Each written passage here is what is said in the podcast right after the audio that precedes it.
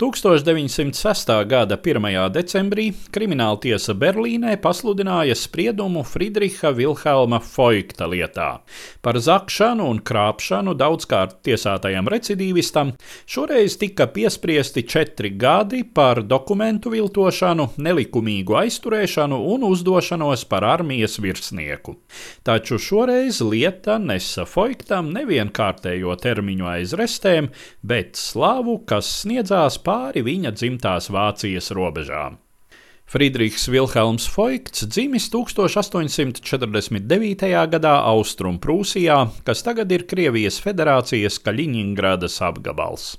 14 gadu vecumā Vilhelms tika pirmoreiz notiesāts uz divām nedēļām cietumā par sīku zādzību, taču saskaņā ar tolaik Vācijā pastāvošo kārtību sodāmība liedza viņam jebkādas tālākās izglītības iespējas.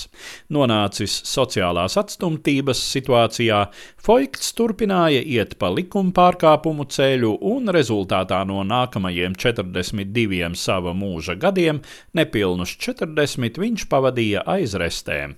1906. gadā no zvana līdz zvanam atsēdējis pēdējo 15 gadu termiņu par zādzību ar ielaušanos, Foikts nolēma uzsākt godīgu dzīvi.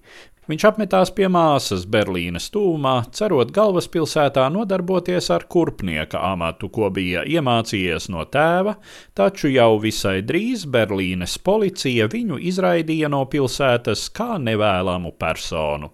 Oficiāli deklarējis izbraukšanu uz Hamburgu, Foikts tomēr palika Berlīnē un sāka apsteigāt lietoto apģērbu veikalus, iepirkdams valkātu armijas uniformu detaļas. 1906. gada 16. oktobrī viņš tērpies panēsātā, bet tīrā armijas kapteiņa uniformā ieradās grenadieru kazarmās, kur apturēja četrus ierindniekus un seržantu un pavēlēja sekot viņam. Radināti bez ierunām pakļauties augstāk stāvošiem virsniekiem, grenadieri paklausīja. Aizsūtījis dežurējošo seržantu ar ziņojumu priekšniecībai, Foikts šautuvē savāca vēl sešus kareivjus, un visa jaunisceptā vienība sēdās vilcienā, ar kuru sasniedza Kēpenikas pilsētiņu austrumos no Berlīnes. Šeit Foikta vienība ieņēma vietējo rātsnamu. Pats Foikts pavēlēja vietējiem policistiem gādāt par kārtību pilsētā, bet pasta ierēģiem uz stundu pārtraukt sakarus ar Berlīni. Pilsētas valdes namā Foikts arestēja kasieri von Wildbergu un mēru Langenhansu. Pēdējais tā kā mēģināja iebilst un pieprasīt aresta orderi, uz ko Foikts īstā prūšu militārista tonī noskaldīja: Tas ir mans pilnvarojums! un norādīja uz savu kareivju durkļotajām šautenēm.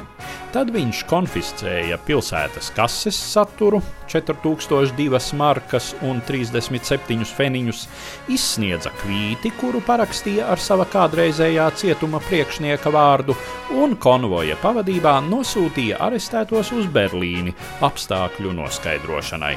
Tad viņš pārģērbās civilās drēbēs un devās prom no pilsētas. Foiktu izsekoja un arestēja diezgan ātri, tomēr viss Kepenikas stāsts kļuva zināms presei un ne tikai Vācijā. Foikts kļuva slavens kā Kepenikas kapteinis.